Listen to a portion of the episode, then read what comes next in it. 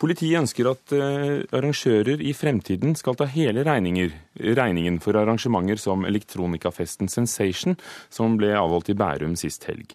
130 mennesker ble altså pågrepet for bruk eller besittelse av narkotika under arrangementet i Telenor Arena. Dette ble kostbart for politiet, som hadde 90 personer på jobb.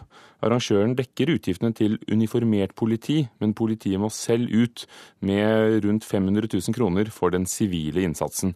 Og det er ikke alle innbyggerne i Bærum like begeistret for. Ja, For å si det helt rett ut, det er uhørt. Jeg syns det er gal bruk av midler som skal brukes på en helt annen måte. Det jeg syns det er greit. Det er helt i orden for meg. Ja, Politiet har jo nok penger, da. Jeg syns det er uholdbart. Ikke bra. Det er jo trist at det er behov for det, da.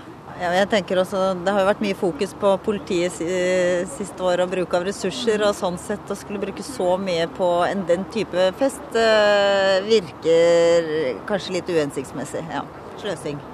Kriminalsjef i Asker og Bærum politidistrikt, Nina Karstensen Bjørlo, synes også det brukes mye penger på denne typen arrangement. Det er en, eh, en stor kostnad, en stor utgift for, for, politiet, men også for arrangøren. Den operative politiinnsatsen må arrangøren selv betale for.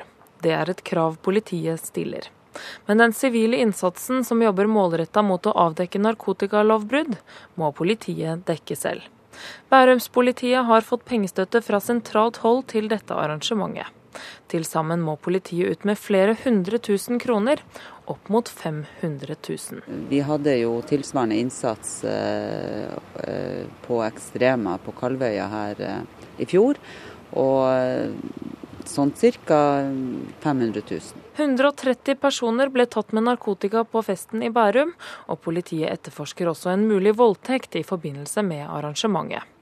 Bjørlo sier politiet har en plikt til å opprettholde ro og orden, og å bekjempe kriminalitet, og at deres sivile innsats derfor er nødvendig. Men ja, det koster. Så mye koster det at Bjørlo helst vil slippe å tar regningen selv. Men absolutt at det er betimelig at det kan bli en diskusjon i forhold til hvem tar ansvar og hvem tar utgiften. Fordi at det, det blir et valg og en prioritering, særlig her lokalt hos oss i Asker og Bærum. Bjørlo understreker at de ikke vil sende regninga videre i denne omgang, men hun mener det kan være på sin plass ved senere anledninger at arrangøren tar hele regninga selv. Ja, kanskje skulle vi ha muligheten til å si at de også må dekke den sivile innsatsen. Og NRK har forsøkt å få kontakt med arrangøren av festivalen Sensation, uten å lykkes. Reporter var Kjersti Kanestrøm Lie. Med enda mer kapasitet på Sensation så kunne vi tatt et firesifret antall personer for ulovlig bruk eller besittelse av narkotika. Det er det du som sier, leder i Norsk Narkotikapolitiforening, Mette Roth. Du mener altså at politimestere som får slike arrangementer, eh, bør vurdere om de har nok kapasitet i sitt distrikt, og hvis ikke, avlyse. Skulle du ønsket at Asker og Bærum politidistrikt hadde sagt nei til Sensation? Aller først så vil jeg faktisk rose politimesteren i Asker og Bærum og det arbeidet de har lagt ned i forkant, ved også vise til at de vil være til stede.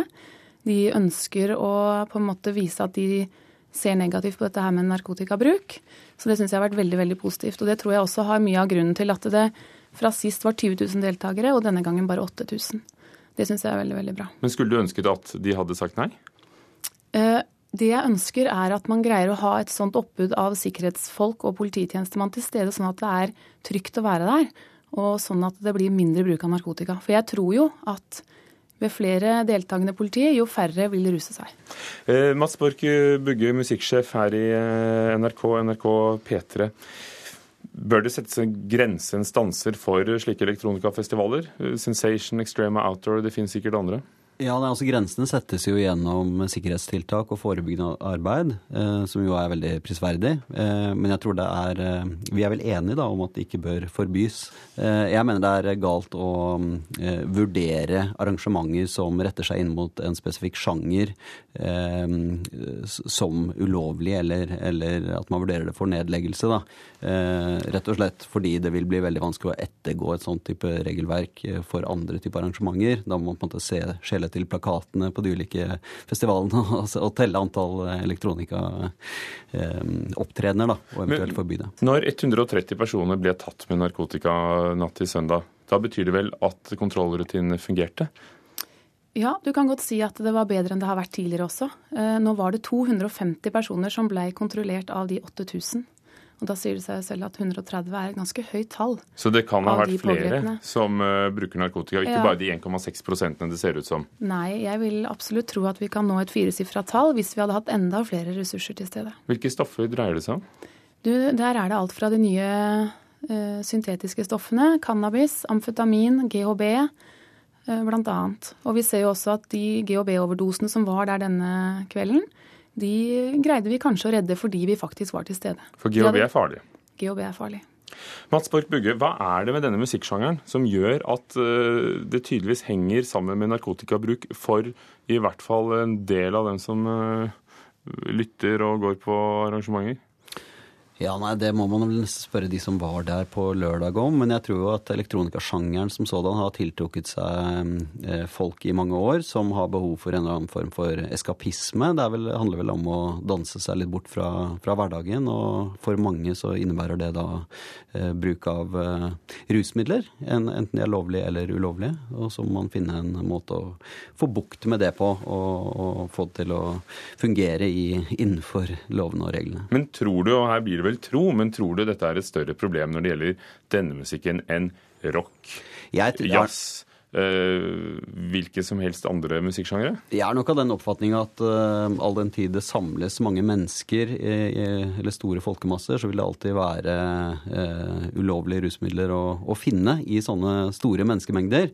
men det er klart det at man kan spørre seg om det er pga. et stort oppbud politi og, og, sikkerhetsvakter at man faktisk finner en så stor andel av folkene som er der, som, som, da bruker ulovlige rusmidler, eller om det er eh, sjangeren. Jeg tror at man uansett vil ha eh, narkotikabruk i, blant unge mennesker i Norge, uavhengig sjanger, og eh, tror det er eh, veldig veldig skummelt å begynne å forby folk å samles innenfor fire vegger av den grunn.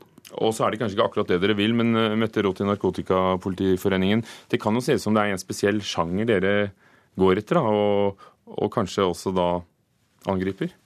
Ja, kan, jeg kan godt skjønne at de kan føle seg litt stigmatisert på et vis, eh, de som stiller på disse her type musikkarrangementene.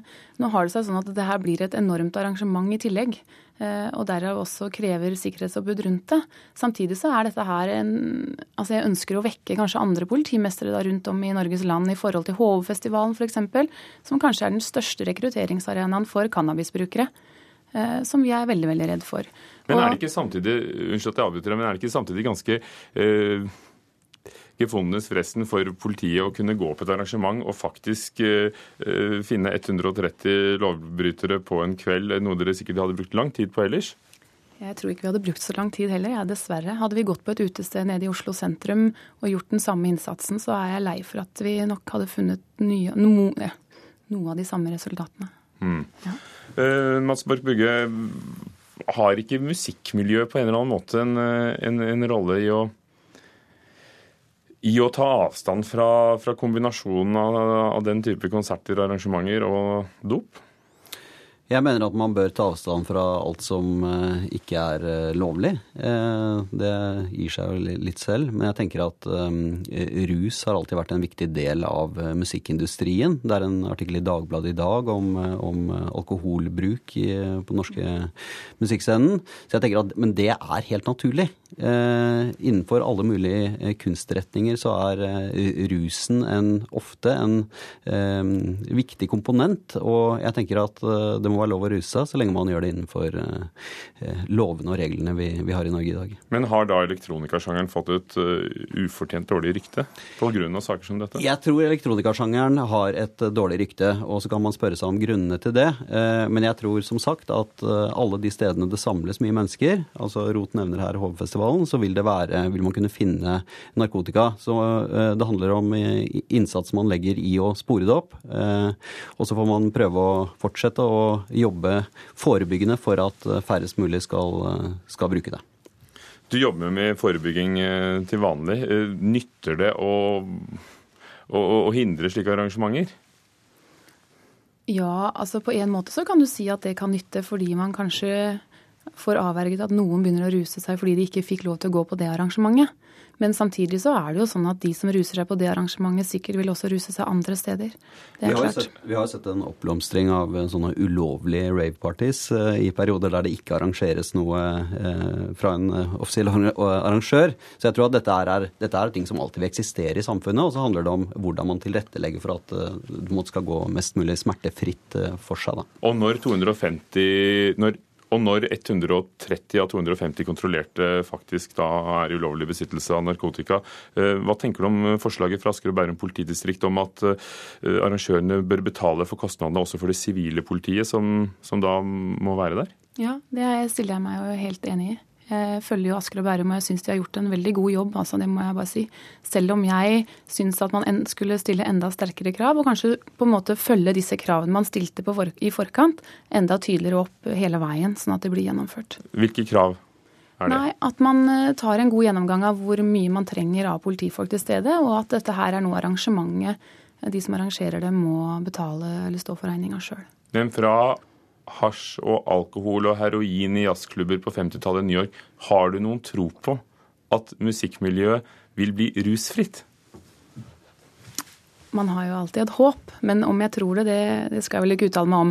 Men samtidig så ser jeg jo at den forebyggende arbeidet vi gjør, det virker. Og vi ser jo at det er færre ungdom i dag som ruser seg enn det det var for bare noen få år siden. Tror du det blir bra musikk av det?